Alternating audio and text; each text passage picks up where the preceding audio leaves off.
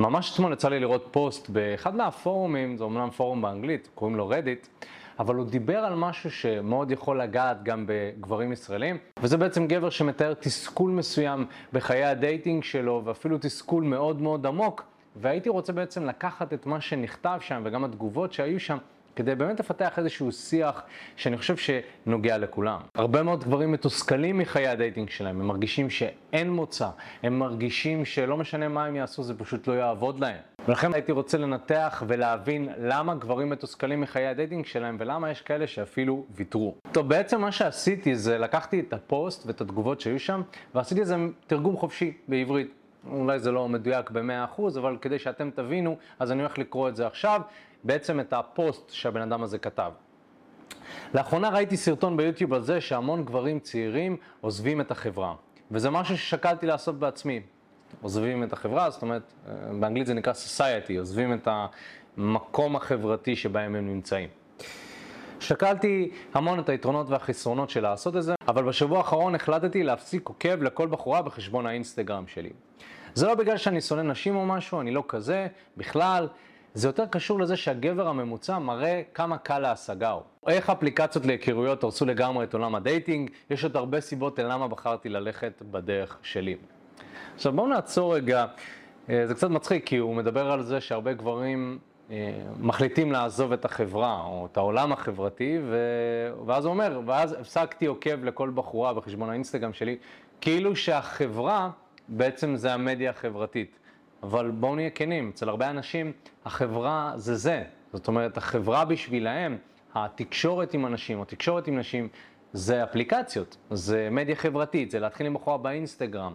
אז הרבה אנשים שהם חושבים על תקשורת, זה התקשורת שלהם. ולכן כשהוא אומר את זה, הוא בעצם מתאר את זה שכאילו לעזוב את החברה, זה אומר להפסיק את חשבון האינסטגרם שלי לצורך העניין.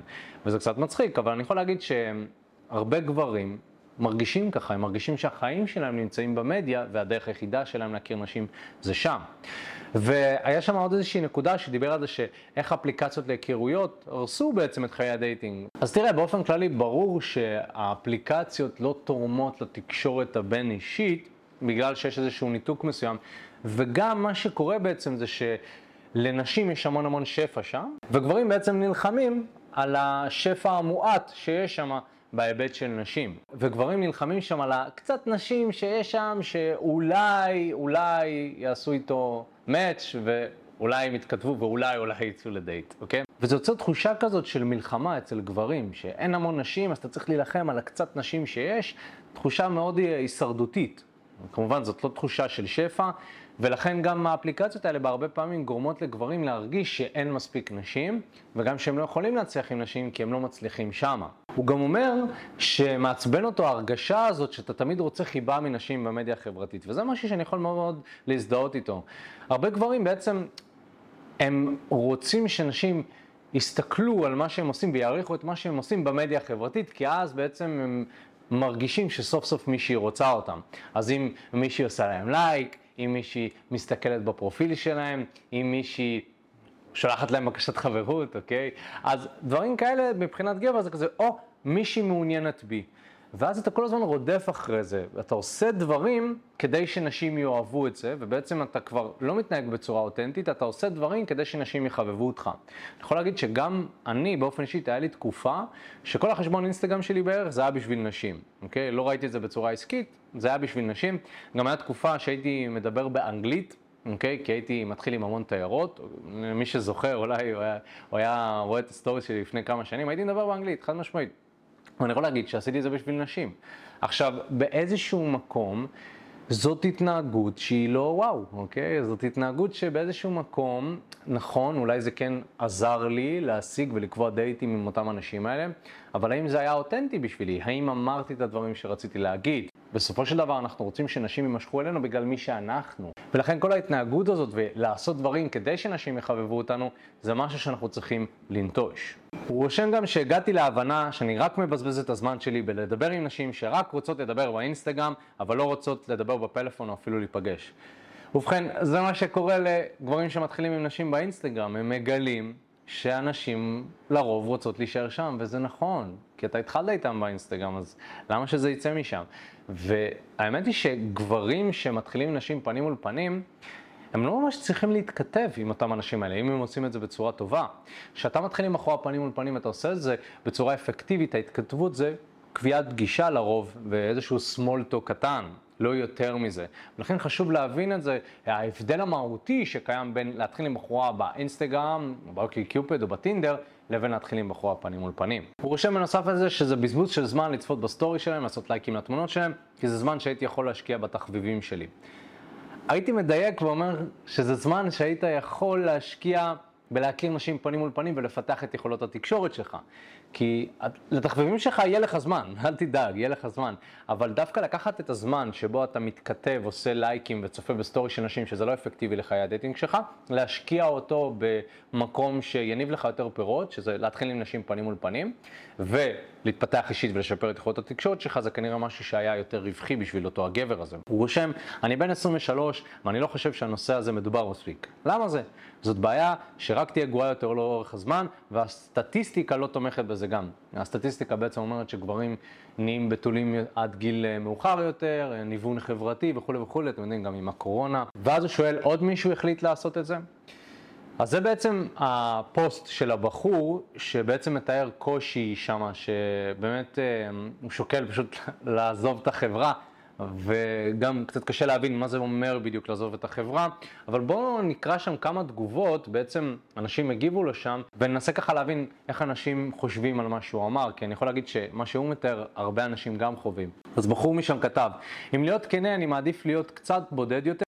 מאשר להתמודד עם הקשיים של דייטינג, אני לא במקום רגשית וכלכלית כדי לצאת עם כל מיני נשים, כדי למצוא את האחת שמתאימה לי. אז גם באיזשהו מקום זו תגובה של מישהו שהוא ויתר כי בעצם הוא חושב אולי שלהצליח עם נשים דורש המון המון זמן, המון המון משאבים.